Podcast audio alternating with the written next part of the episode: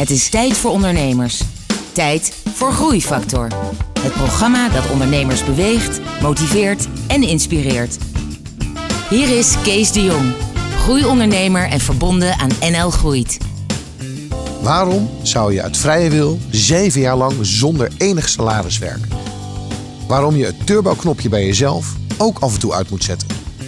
En wat is het juiste moment om niet meer onder het bureau van je klant te gaan liggen?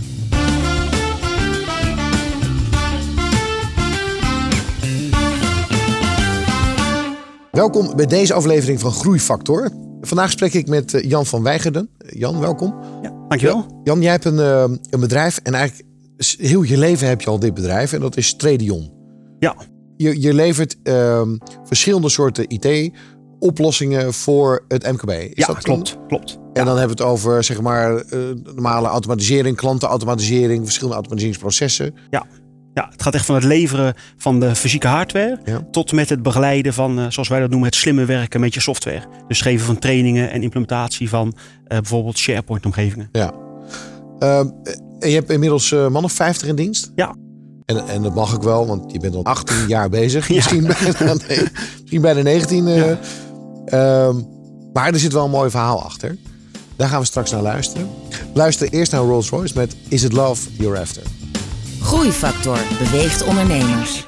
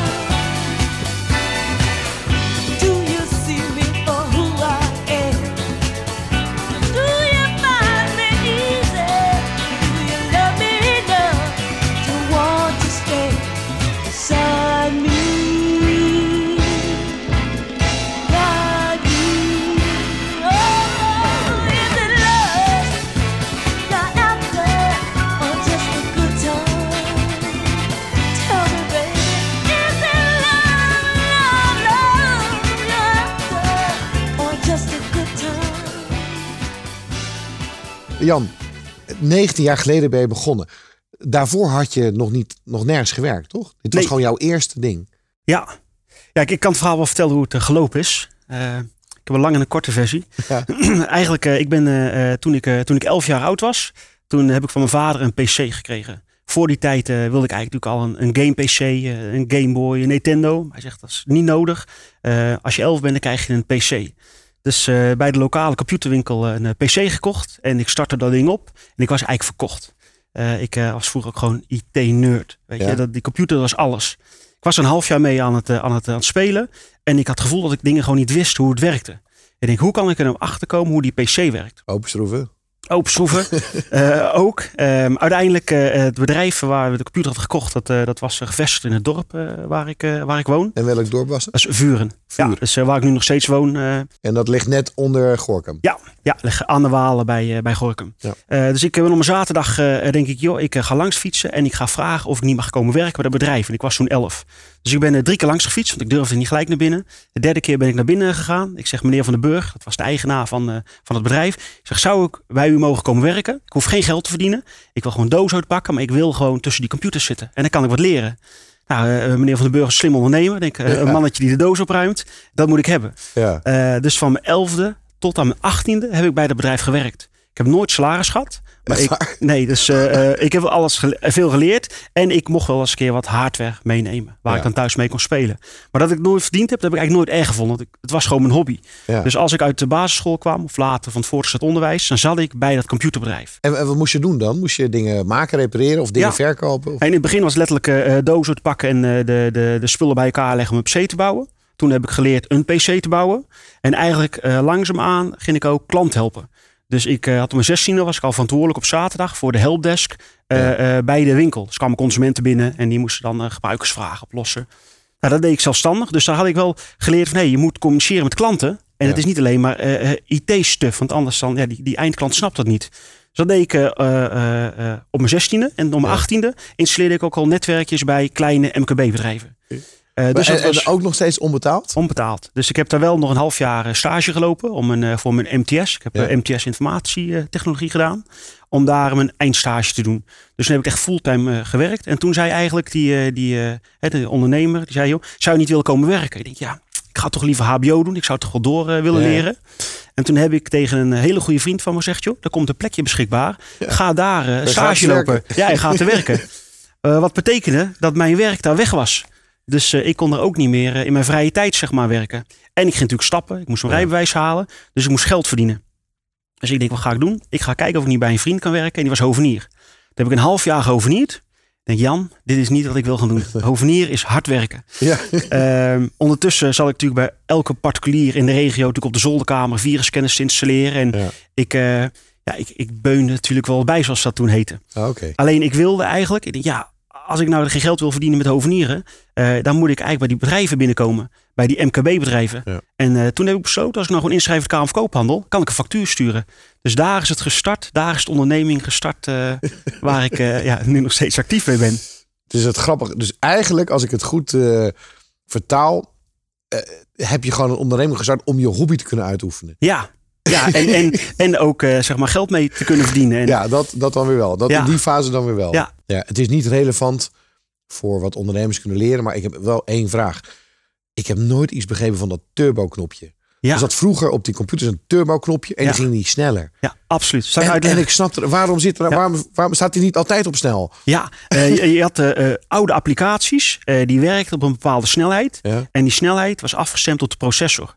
Dus op het moment dat je een spelletje aan het spelen was, neem even Pac-Man, dan liep het poppetje zo snel als de processor snel was. Toen de processor sneller werd, ging het poppetje ook sneller lopen.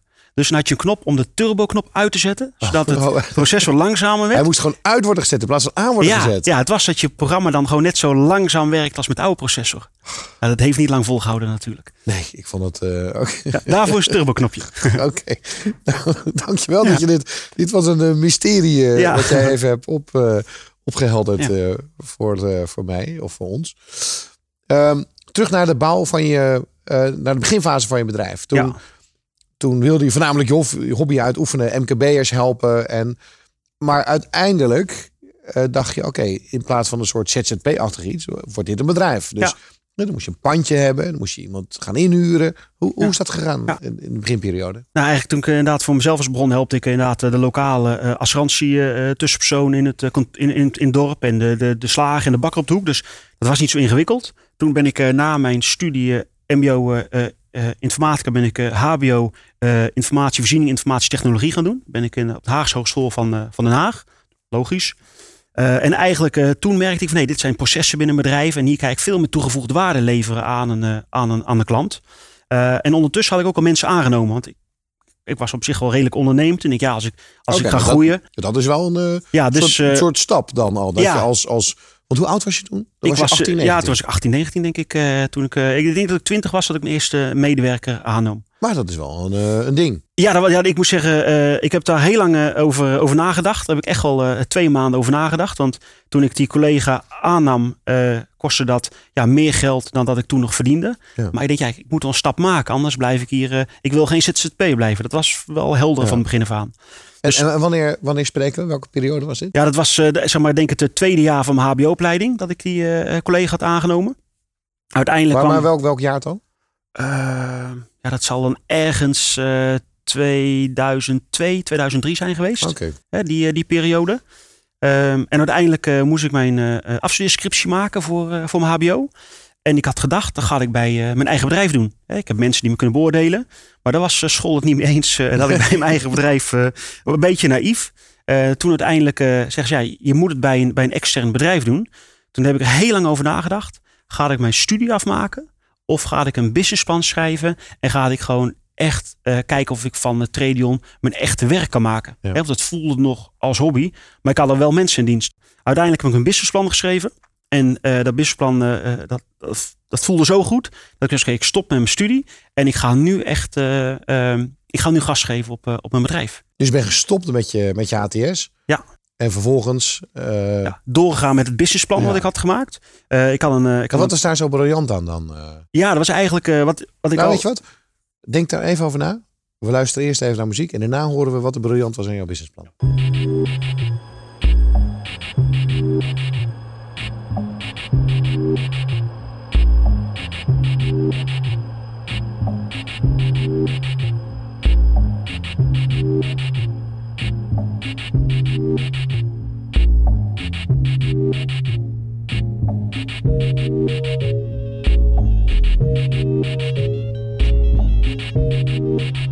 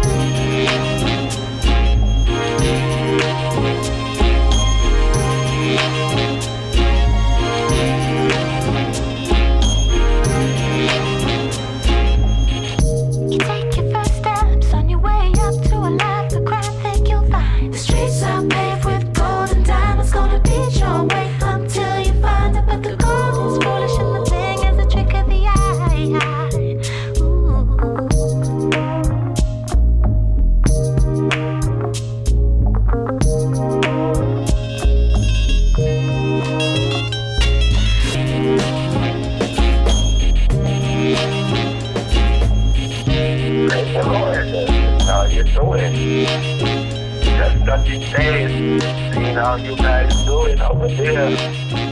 What the weather doing with you all. And how my niece and grandniece and grandnephew and everybody. Okay, just touching base. We are okay.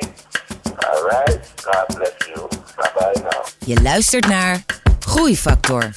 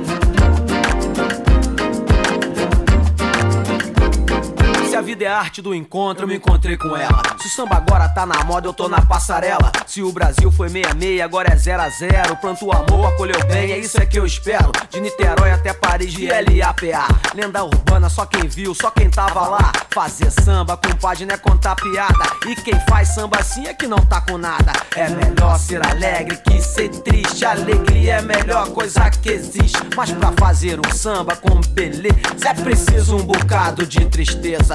Senão não se faz um samba, não. Porque o samba é a tristeza que balança. Da tristeza tem sempre uma esperança. E o bom samba é uma forma de oração. E o bom samba.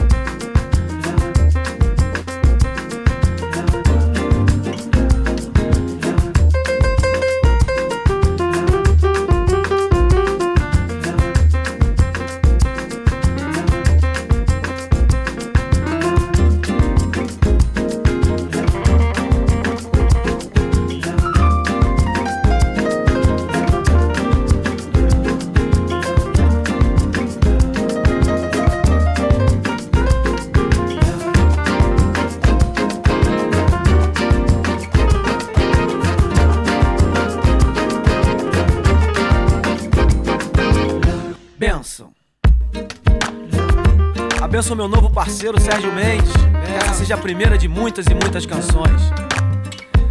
Benção Will.i.am e todo o Black Eyed Peas. Benção Baden Powell. Por nos deixar de herança, além de outras, esta canção. Abençoa Vinícius de Moraes, o poeta. O branco mais preto do Brasil. Saravá. Benção. Samba da benção. Benção. Eu sou Marcelo D2, represento a LAPA. Benção, benção, benção,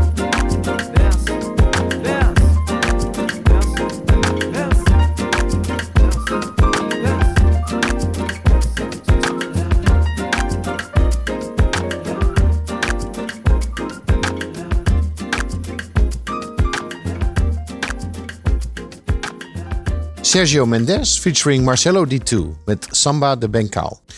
Jan, je had een businessplan gemaakt. Waarom was dat zo eh Ja, ehm, ondanks eh, dat ik eh, eh, nog niet zo'n groot bedrijf had, ben ik al wel een aantal keer naar conferenties geweest in Amerika. Ook met de collega's die er toen net in dienst waren. Want ik, ik, zag in Amerika, daar gebeurt het. Ze lopen daarvoor op de markt ten opzichte van, van Europa. Dus we zijn Maar, naar... maar ook, ook dit geldt. Als jij 18 of 19 bent, dan is het niet zo normaal dat je een ticket koopt voor een conferentie in Amerika. En dat je. Nee. Nee, dat is, ja, dat is. ja, dat, eh, was Heb jij een niet. voorbeeld gehad in die tijd of zo? Hoe, hoe wist je dat je dit allemaal Ja, moest doen? En, Ja. en, ja. Ik denk, als je naar, naar mezelf kijkt, ik ken eigenlijk niet echt angst. Dus, dus als het spannend is en, en, ik, ik merk dat ik, het is uitdagend, dan, dan trekt me dat juist aan. Eh, en dan denk ik, nou weet je, die, die plas over en gewoon zelf naar Amerika en daar, eh, daar het land ontdekken. Ja, dat voelde goed. Dus dat is dan ook geen obstakel. Ja. Ehm, ik heb een boek gelezen, want uiteindelijk ben ik wel geïnspireerd. Ik heb een boek gelezen van eh, een, een persoon die heet Harry. Dat, dat is zijn werknaam. En die heeft, heeft een zeg maar, soort community. En daarmee heeft die IT-partijen in Amerika geenthousiasmeerd van... joh, je moet niet klein blijven, je moet een keer doorgroeien, anders blijf je hangen. Nou, dat heeft hij zo mooi in dat boek opgeschreven. En daar zat ook een conferentie aan vast. Dus hij had het boek geschreven en daar hoorde ook een conferentie bij. Nou, naar die conferentie ben ik dus eh, gegaan, Ja. toen we al, eh, al eh, redelijk jong waren. Met twee collega's die overigens nu nog steeds bij Tradion werken. En daar hebben we zitten brainstormen, waar gaan we nu naartoe? En het model dat wij hadden gezien was, vroeger kocht je een computer. En in die computer zat heel veel marge. Dan kocht je, los kwamen de uren erbij voor de consultant om die computer in te richten. En als er dan wat kapot was, dan kwam die consultant weer langs en dan kreeg je weer een factuur. Hè, dat kon niet op in, in die tijd. Ja. En in Amerika hadden ze een model bedacht, dat heet MSP, Managed Service Provider. Dat je alle diensten eh, voor een maandbedrag gaat aanbieden voor een fix prijs. Wij garanderen dat het werkt voor een vaste prijs per maand. Ja. Eh, dat hebben we toen doorgevoerd. In 2005 hebben we dat eh, helemaal doorgevoerd bij alle klanten. En dan was je, was je heel vroeg. Want, Ja. want dat is pas, nu is het zeg maar een soort van normaal, maar toen nog niet. Ja, ik, ik weet zeker dat we niet de eerste in Nederland waren. Maar we waren echt wel een van de eerste IT-partijen die dat hebben gedaan. Maar Ja. Wat, waar we, wat we het best hebben gedaan achteraf. En ja, daar kom je pas achter als je het gedaan hebt. Wij hebben gezegd, oké, we gaan het nu omzetten bij alle klanten. We gaan het niet zo half-half doen. Ja. Dit is waarvoor we staan. Dit is ons model. En eh, wij geloven erin dat het beter is. En dat had je geleerd op die conferentie natuurlijk. eh, nou, op die conferentie had ik wel eh, gezien van, dat het kon werken. Maar ja, in Nederland is een andere cultuur. Ja. En je gaat toch tegen klanten vertellen, ja, je gaat nu per maand betalen. Ja. En niet meer achteraf. We hebben En dan voelen ze zich altijd bekocht natuurlijk. Ja, maar dan betaal ik meer.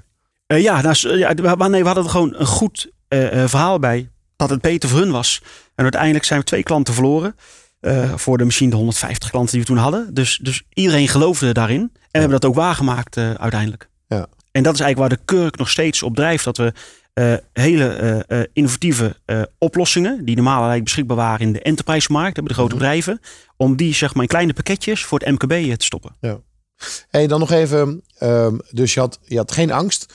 En je las boeken en ging naar conferenties. Dus je voedde jezelf wel met ideeën over de, over de business. Ja, Wat was in het idee, het begin, wat voor bedrijf wilde je bouwen? Had je daar al een soort droombeeld van? Ja. ja, daar had ik zeker een beeld over. En dat, eh, dat, eh, dat, eh, dat rijmt niet helemaal met wat het geworden is. Ik heb veel gebruik gemaakt van free publicity in de lokale krantjes. En dat werkt erg goed. Op het moment dat je een ondernemer bent, je op de zolderkamer een klein showroompje start in het dorp, eh, kwam de lokale journalist langs. En eh, daar heb ik eh, eh, een artikel, dat, ik heb nog steeds een map waar ik dat in bewaar. Althans, mijn zus houdt het allemaal voor me bij. Ja. En daar staat letterlijk in van, nou, ik ben Jan Verwijgde. Ik repareer computers voor bedrijven. En dat doe ik in mijn eentje, want dan weet ik namelijk alles van die klant. En ik blijf in mijn eentje, want dan, dan blijf ik altijd het één aanspreek voor de klant. Dus ik ga geen medewerkers aannemen. Dat was mijn allereerste artikel. Om vervolgens twee jaar later twee mensen aan te nemen. Nou, vervolgens heb ik dat iedere keer een stapje opgeschoven. Tot, nou weet je, we hebben nu vijf mensen, maar meer worden het er zeker niet. En ik heb dat denk ik nou drie keer gezegd. En nu zeg ik daar niks meer over. Ik ga niet meer zeggen hoeveel mensen... En ik maar waarom zou je juist dat willen beperken? ja, ik denk een soort, ons die, die bestaande klant is voor ons het allerbelangrijkste. Eh, die willen wij helpen. Als die klant tevreden is, wordt hij een ambassadeur, krijgen we misschien weer nieuwe klanten. En die klant is niet bij gebaat dat wij heel groot worden. Dat is altijd het gevoel wat ik, wat ik daarbij had. Dus ik wilde zo klein mogelijk blijven om dicht bij die klant te blijven zitten. Hè, dat dacht ik, doe, doe zaken met een klein Dat bedrijf. vind ik wel een hele, hele aparte strategie. Dat ik dat zo. En, en ik snap het wel, alleen het is wel een soort rare strategie. Dus je hebt jezelf altijd geprobeerd klein te houden om die klanten blijer te maken. Zodat die klanten dat ze tegen anderen zouden zeggen dat, dat je zou gaan groeien. Ja, en dan groei je, en, en, en, en dan groei je dus. dus ik- dat hebben we in 2009 hebben we dat losgelaten. Ehm, Want ik, ik, heb, ik heb te vaak verhuisd eh, eh, met, eh, met mijn bedrijf. Ja. Maar uiteindelijk zijn we in 2009 naar een groot pand gegaan. En toen hebben we gezegd, nou dit pand gaan we echt op de groei inrichten. Ja. En nu gaan we gewoon kijken of, ja, hoe ver we kunnen komen. Kwaliteit is het belangrijkste, maar we staan wel open voor groei. Ja. Dus dat heb ik uiteindelijk wel losgelaten. En dat was net in de crisis. Ja, het was, 2009. ja, ik heb in 2008 het pand gekocht. Vooral. Ja, in ieder geval niet voor de beste prijs. Eh, maar uiteindelijk eh, heel blij mee. Want uiteindelijk, eh, we zitten op een mooie plek. We hebben een eh, groot pand waar we kunnen doorgroeien. Ja. Ehm, en toen eigenlijk, toen we dat grotere pand ook al aannamen, ging ons naar gedragen dat we wel wilden groeien. Ja. Toen ging het ook gelijk veel harder. En toen zijn we eigenlijk het snelste gegroeid ja, in de tijd dat we bestaan. Maar eigenlijk zeg je, je zegt eigenlijk dat je de eerste periode van je bedrijf, hè, de, laten we zeggen, de eerste negen jaar of de eerste eh, zeven jaar, Ja. dat je jezelf e- extra klein hebt gehouden. En dat waren juist de gouden tijden in die tijd van, van jouw markt. Ja. Daarna, om, vanaf 2009 werd het steeds moeilijker. En toen ben jij hard gaan groeien. Dus eigenlijk, ja, ik wil het niet vervelend maken dit gesprek, maar je had gewoon tien keer zo groot kunnen zijn. Ja, ja de, de- de- maar ook niet. Want ik denk dat eh, ik ben techneut en ik was geen manager. Eh, Mhm. En ik heb heel veel dingen moeten leren. En doordat we eh, op deze snelheid zijn gegroeid, want we zijn natuurlijk altijd gegroeid, heb ik, eh, heb ik zeg maar wat langzamer kunnen leren. Als ik hier een Ja. fout maak, was de impact niet zo groot. Ja. Ik heb veel IT-partijen heel groot zien worden en ook weer weg zien vallen. Dus in die zin heb ik een, een hele steady leerweg eh, gehad. En toen wij klaar waren om te groeien, zijn wij gegroeid in de slechtste tijd die je me kon bedenken. Ja. Dus wij zijn qua kostenstructuur zijn we super efficiënt. Omdat wij niet, het, het, het geld spoot niet meer uit de muur. En dat heeft ons nu natuurlijk een hele solide basis gegeven. Dat wij Ja. heel erg kostenbewust zijn. Ja. eh, en dat wij toch eh, eh, ja, zeg maar kwaliteit kunnen leveren.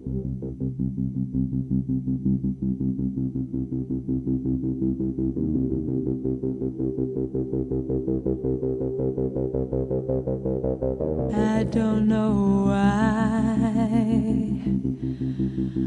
but I'm feeling so sad.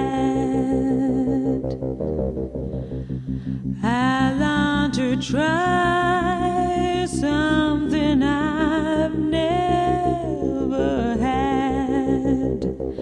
I've never had no kissing. Oh, what I've been missing,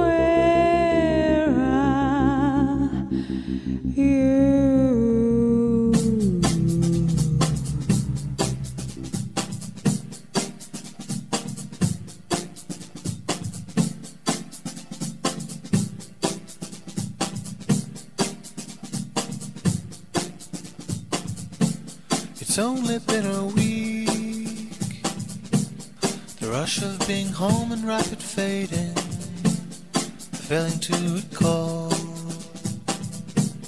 what I was missing all that time in England. Has sent me aimlessly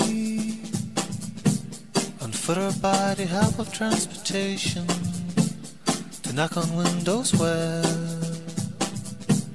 a friend no longer live I had forgotten.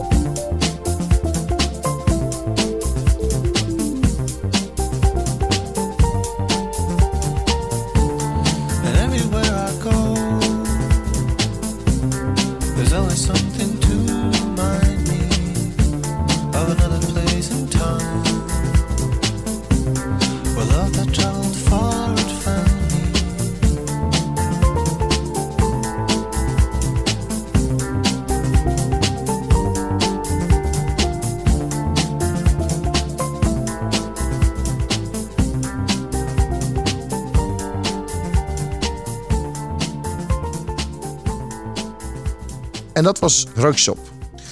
Ehm, Jan, dit is ook een ehm, muziekprogramma. Eh, heb je iets met muziek in, in relatie tot je werk?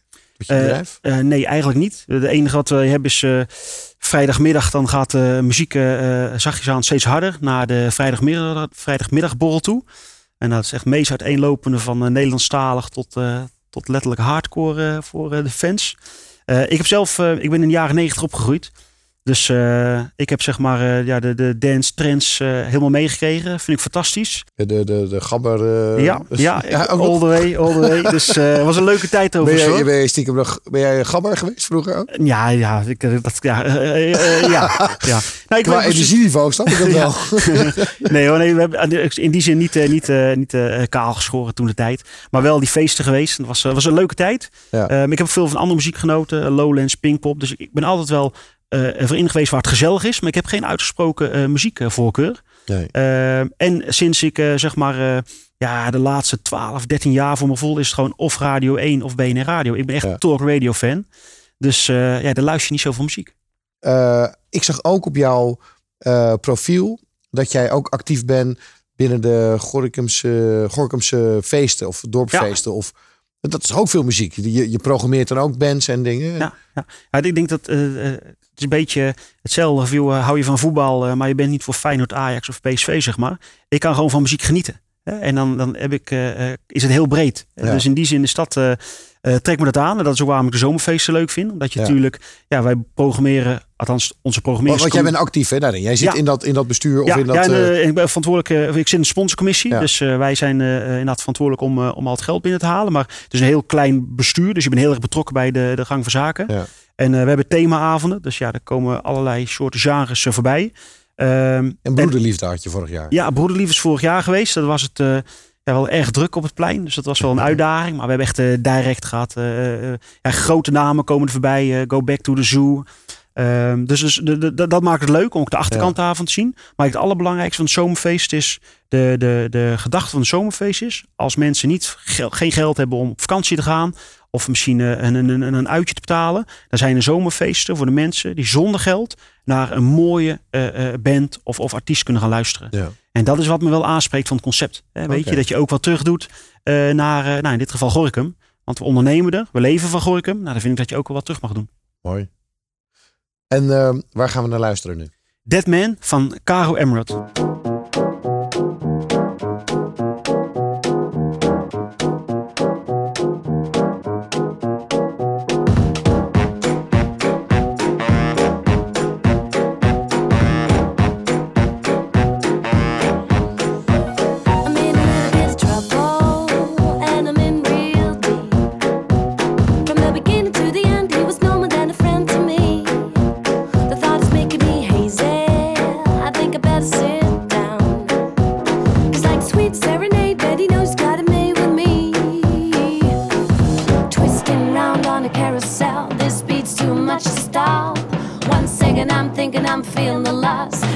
I feel alive.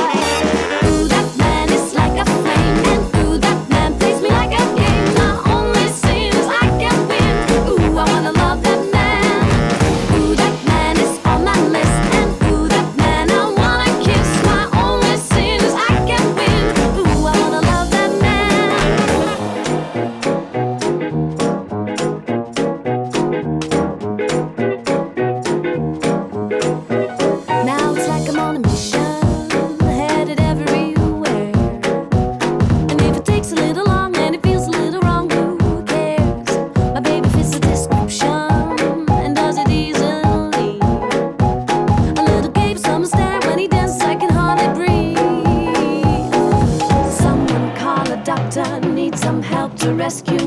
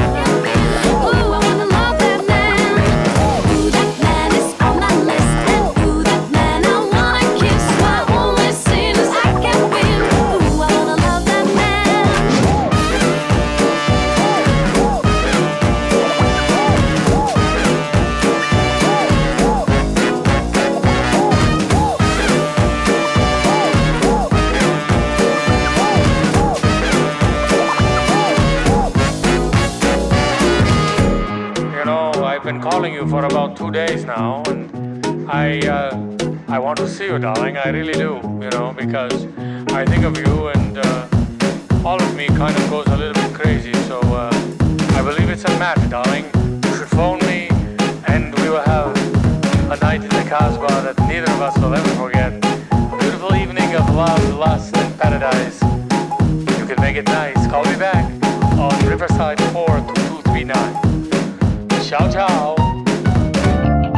Groeifactor is een initiatief van MKB Brandstof. Ga naar groeifactor.nl voor nog meer openhartige verhalen van inspirerende ondernemers. Groeifactor inspireert ondernemers.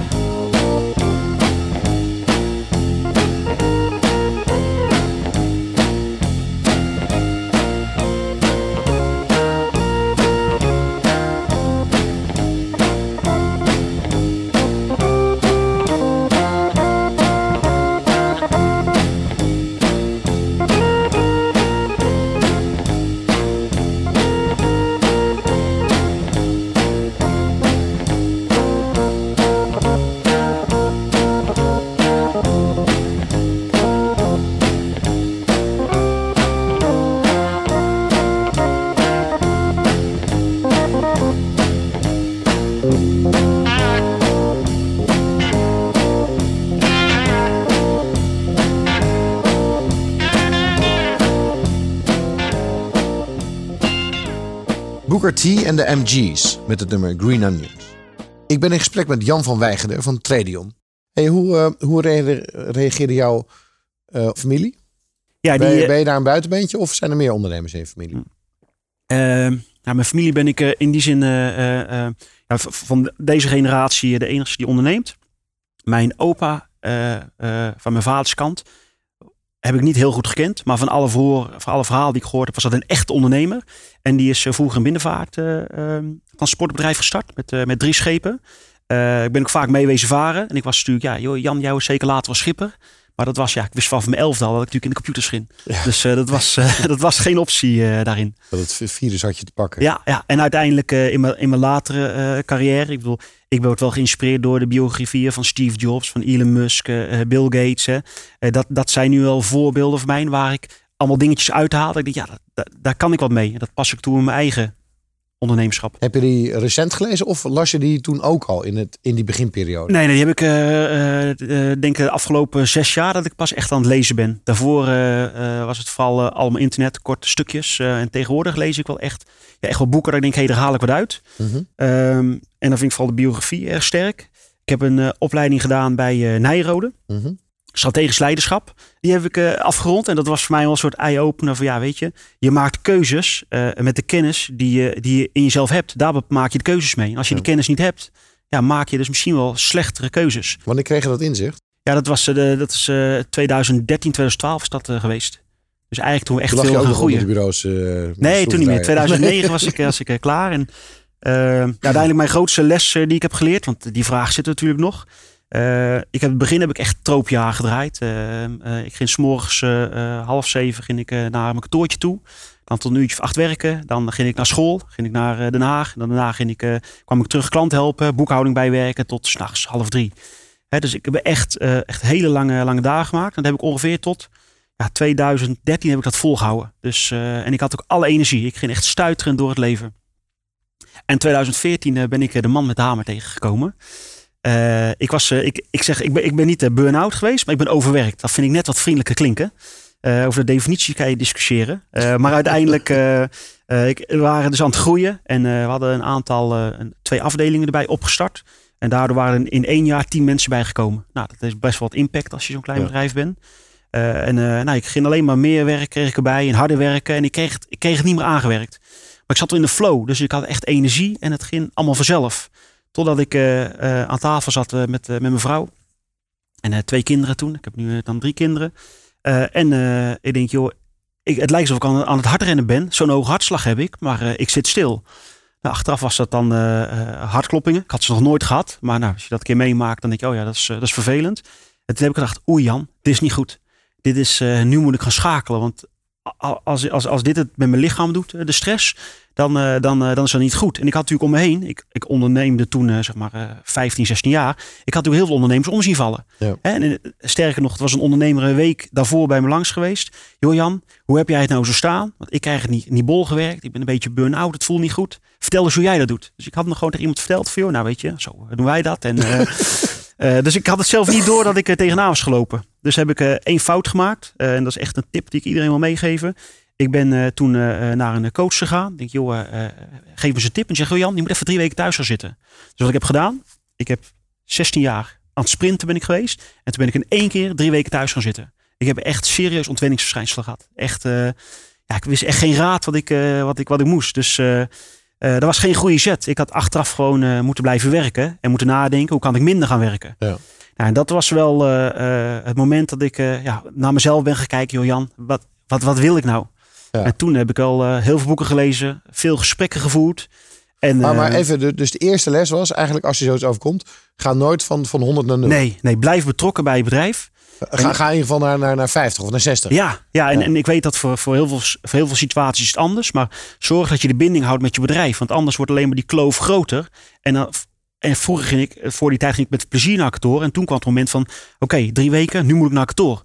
Dat het een ding wordt. Terwijl je die, die, ja, die moet die betrokkenheid eh, houden. Ja. Ehm, uiteindelijk eh, heeft dat, eh, ja, was, was een slechte periode. Was echt vreselijk. Als, als ik niet kan werken, dan ben ik, ben ik niet meer best, laat ik maar zeggen. Dus werken is echt een onderdeel Dus van... je eh, vrouw die werd ook helemaal gek van je. Nee, nee, nee, nee, nee. Die had ontzettend veel begrip. En eh, nou, zoals ik ben. Maar waarom weet je dan niet leuk? Wat gebeurde er dan met je? Ehm, ja, ik, eh, als, als ik niet werkte, ik, ik miste gewoon iets. Ik, ik, ik ben echt zeker niet depressief geweest. Maar ik, eh, ik had echt zoiets van, ja, stel dat ik nou zo meteen niet meer zou kunnen gaan werken. Hè, dat ik iets anders moet gaan doen. Dat het allemaal te veel druk was. Dus wat ik toen ben gaan doen. Toen ben ik eigenlijk net zoals, zoals ik op kantoor doe. Gewoon dingen oppakken en oplossen. Ben ik dat op de andere manier gaan doen. Ik ben gaan yoga, mindfulness, hardlopen, sporten. Dus zo druk als ik met werk was, was ik nu zo druk met het herstellen. Nou, kan je vertellen, dat werkt ook niet. Dus eh, dat was ook geen oplossing. Eh, dus na drie weken eh, zei een, een, een goede vriend van me, "Joh, Jan, volgens mij ben je gewoon hetzelfde aan het doen. Alleen ben je nu heel snel beter aan het worden. En ik zeg, ja shit zeg, daar heb je misschien wel gelijk in. Ja, jij had je turboknopje gewoon even moeten uitzetten. Dat, dat had het moeten zijn. Dus uiteindelijk heb ik een, een, een, een, coach gevonden. En eh, een super vrouw. Ja. En eh, eh, die zegt, joh Jan, op de rode sofa. Joh Jan, wat is je probleem? Het probleem is dat ik wil gaan werken. En ze gezegd, joh Jan, als jij dan nou eens gaat werken. En dat was de oplossing. Dat iemand zei, je moet weer gaan werken.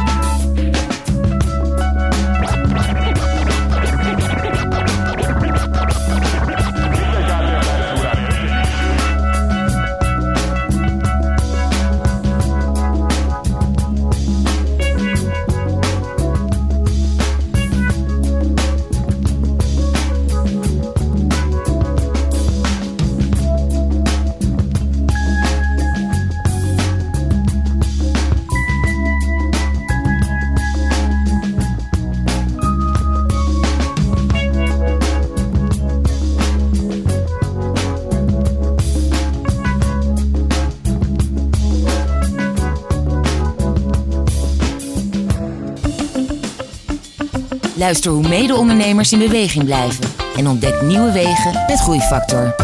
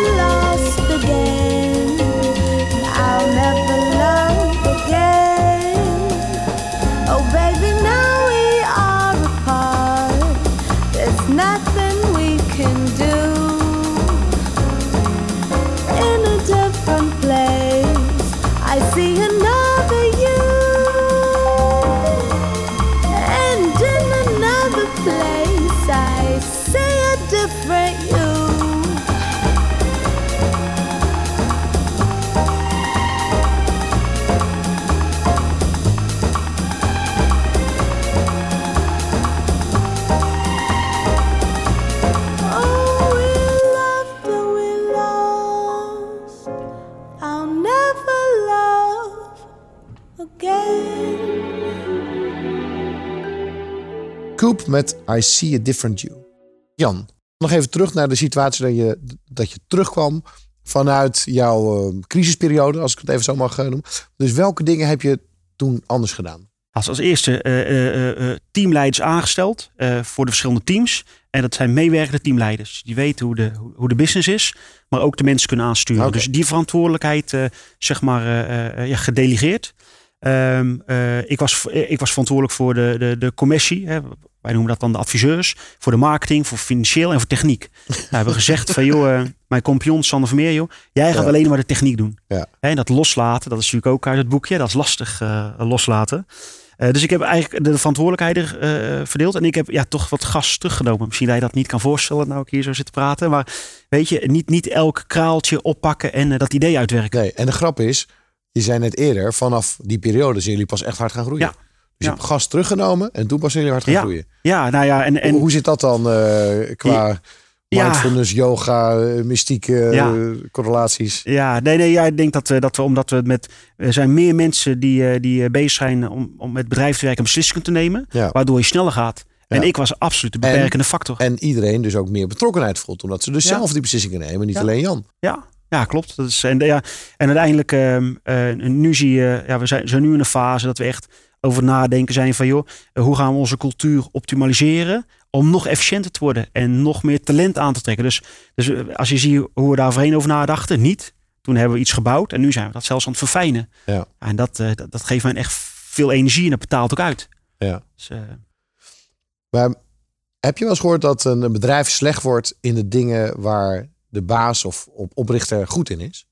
Ja, want die trekt het allemaal naar zich toe waarschijnlijk. Ja, ja. Ja absoluut. En, eh, en dat loslaten, dat is wel lastig hoor. Als je natuurlijk zo gepassioneerd bent van techniek.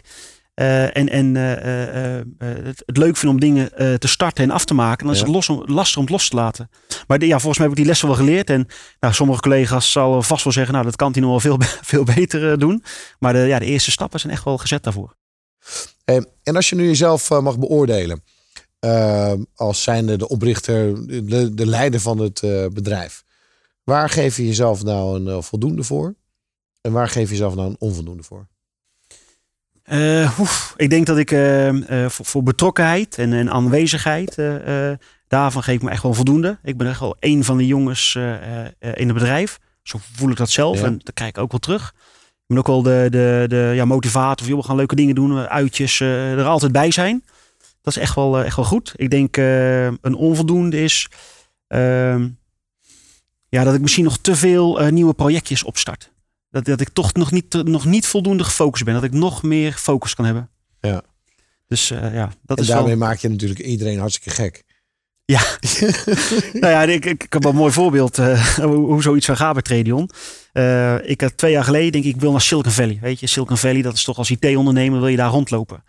Maar in je eentje kom je natuurlijk nergens binnen. Dus ik denk, joh, ik, ik ga kijken of ik misschien wat ondernemers kan meekrijgen naar, naar Silicon Valley. Nou, dat, dat groeit. En op een gegeven moment hadden we 18 ondernemers eh, waar we de Tradion studiereis aan verkocht hebben. Eh, en eh, nou, we hebben een, een, voorprogramma, een, een boekje gemaakt wat we allemaal gaan doen. We hebben de tickets geregeld, hotels, alles. Dus we hebben bijna een soort mini-reisbureau. Maar hebben we wel gedaan. Dan ben ik Ja. vorige week Silicon Valley geweest. Ja, het was een succes. Dus ik denk, hey, dit is een onderdeel van Tradion. Wij willen ondernemers opleiden om succesvoller te worden. Ja. Ik neem gewoon al mijn klanten mee naar Silicon Valley. Moeten ze wel een stukje zelf betalen. Maar dat is alweer een nieuwe tak van sport. Nou, hebben we vorige week dan eh, de, zijn we er geweest. Super inspirerend. Ja. Eh, maar het, ja, het- is het nou echt focus? Is het nou echt iets wat bij Tradion hoort? Of is het nou weer zo'n zijstapje? Ik denk dat het bij Tradion hoort. Maar het is wel weer iets nieuws. Ja. Dus het stopt nooit, dat Ja. die ideeënbus. Ja, het klinkt wel een beetje opportunistisch. Eh, ik ben niet hier om te judgen. Maar als mij dat wordt gevraagd, dan klinkt het dat het handiger is als je een bedrijf bouwt vanuit een soort doel en visie waar je naartoe wil. Ja. En niet vanuit een soort, oh, dit is ook leuk. Oh, dit Nee. is ook leuk. Nee. oh, dit- ja, dit Nee, maar denk dat je dat. eh, ehm, ehm, ja, d- dat is dan, dan niet goed, eh, goed overgekomen. Oh. Ons doel is om eh, met onze IT-diensten een ondernemer zijn doelen te laten realiseren. Hè, en op het moment dat ik een IT-ondernemer ook beter kan maken. Mhm. Hè, dus eh, eh, eh, we zeggen, joh, weet je, ik neem je mee in Silicon Valley. Want je zit op een punt, hè, moet ik nou wel die digitale transformatie in? Moet ik nou wel echt iets gaan doen hè, met vergaande automatisering? Eh, eh, dan, dan kan hij daar misschien informatie krijgen waar hij een betere keuze door kan maken. Ja. Dus daarom past dit erin. Ja. Hè? En eh, al, die, al die activiteiten die we hebben, die hebben uiteraard als doel hè, om die ondernemer te helpen.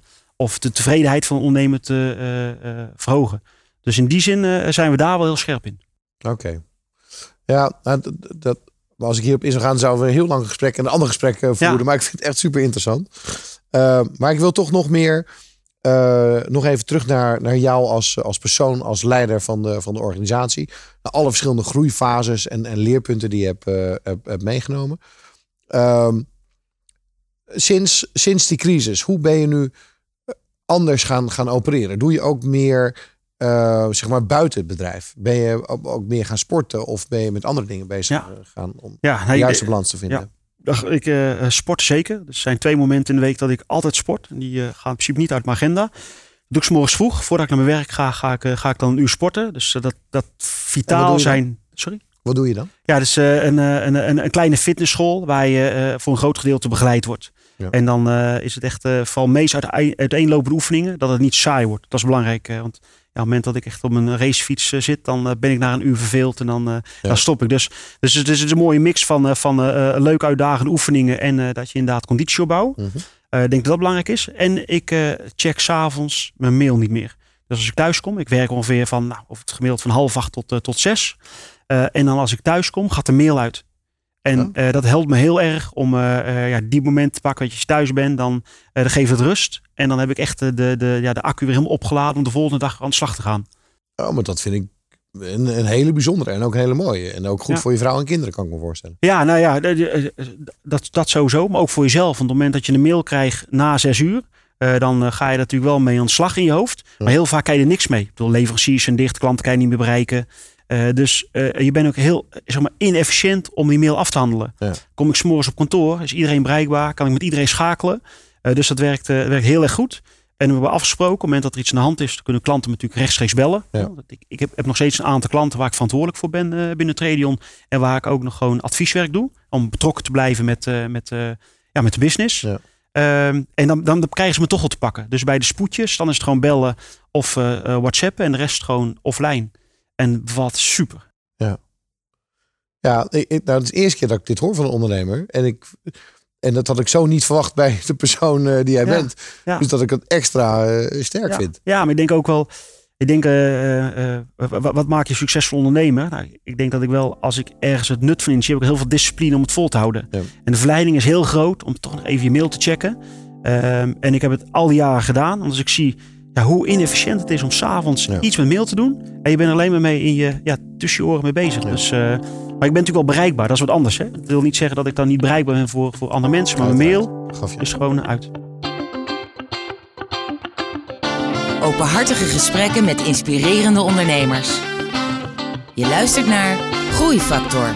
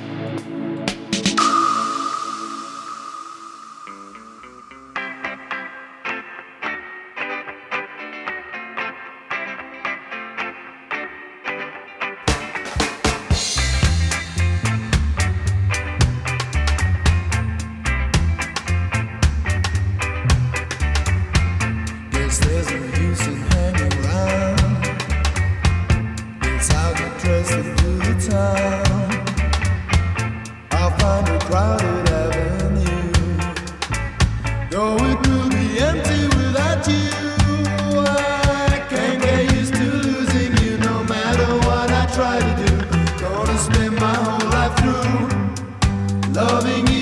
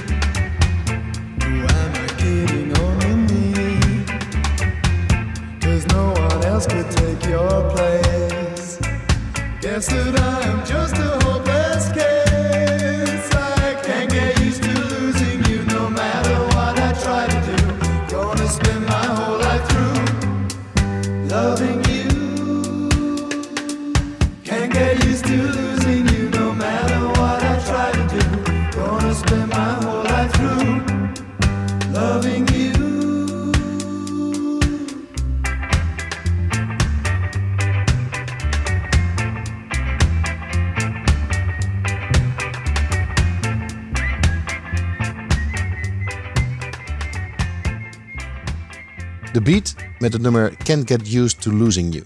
En daarvoor hoorde je Mahmoud Oran met het nummer Without You. Jan, we zitten aan het einde eh, van, eh, van het gesprek. En eh, daar proberen we een aantal leerinzichten op, een, op een rijtje te zetten. Ehm, je gaf al eerder aan, je hebt heel veel leergeld betaald. En het meest frappante vond ik inderdaad dat je volgens het boekje bijna alles, zeg maar, niet, de eerste keer niet goed hebt gedaan. Ja, ik, heb een, ik, heb, ik heb een coach of een mentor gemist waarschijnlijk in de eerste periode. Ja, Ehm, maar, eh, maar je bent er wel. Ik bedoel, je hebt een mooi bedrijf. 50 man, je hebt een miljoenen omzet. Je groeit nog, eh, nog hard en je groeit steeds sneller. Ehm, je hebt echt, echt, ja, het is, het is een mooi bedrijf.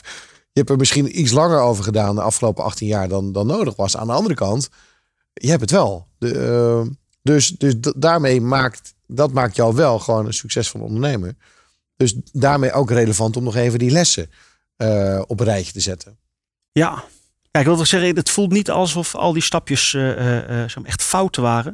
Ik heb er gewoon van geleerd. Hè, dus ik, ik zeg, het klinkt heel negatief als je het zo opzomt. Maar ik heb gewoon, Ja. gewoon geleerd. en nou, soms vallen opstaan. Maar is, ik, heb, ik heb daar niet, niet het gevoel dat ik elke Ja. echt een deuk heb opgelopen. Nee, oké. Dus, eh, Behalve dan die ene crisis. Dat maar oké, eh, wat is dan het juiste moment om niet meer onder het bureau te liggen van de klant om computers aan te sluiten? Ja, dat, dat, dat- dat- ja, dat is, dat is een, eh, uiteindelijk, ehm, eh, ik denk op het moment dat je, ehm, als ik even kijk naar mijn eigen branche, op het moment dat je zegt, joh, ik heb vijf, zes mensen die inderdaad het uitvoerende werk kunnen doen, dan moet je er eigenlijk zelf mee stoppen. Ja. Hè, in het begin kan het niet, dan heb je gewoon alle handjes nodig, Ja. maar die keuze kan je best wel eerder maken. En dan, dan kan je denk ik sneller groeien. Dat weet ik wel zeker, dat je dan sneller kan, kan groeien.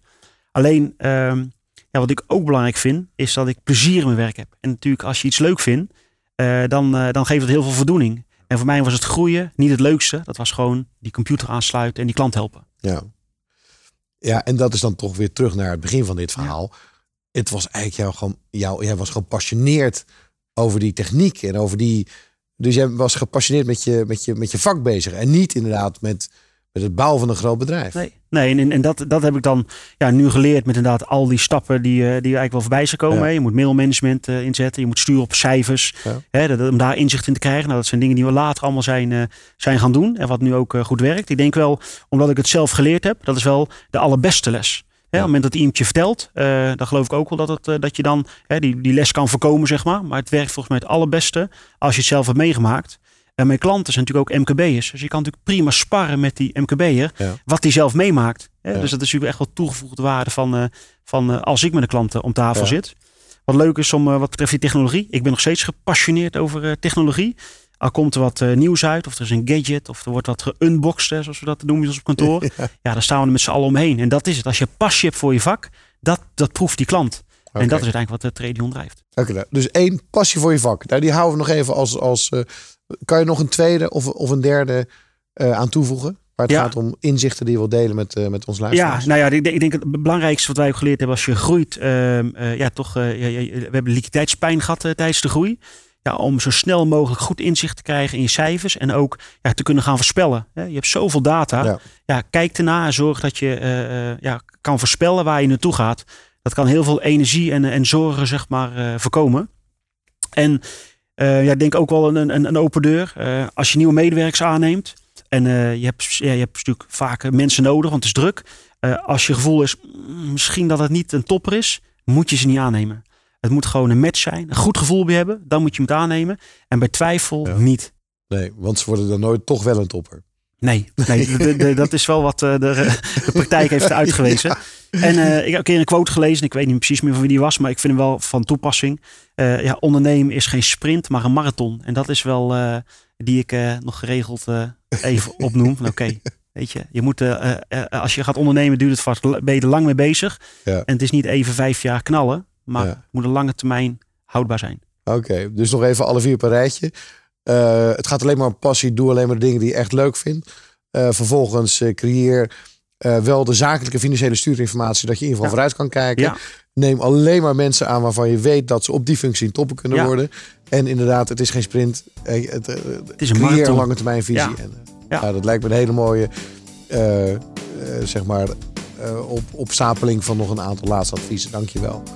Ik vond het een. je bent een bijzondere ondernemer. Ik heb erg genoten van het gesprek. Je had niet veel nodig om, om aan de praat eh, te komen of te blijven. Daar ben je elke dag mee bezig. Hè? Dus eh, Eh, dus ik wil je enorm bedanken en ik wens je erg veel succes met verdere groei. dankjewel. En voor de luisteraars, je luistert naar Groeifactor. Graag tot een volgende uitzending. Groeifactor is een initiatief van MKB Brandstof. Ga naar groeifactor.nl voor nog meer inspirerende verhalen van mede-ondernemers. Groeifactor beweegt ondernemers.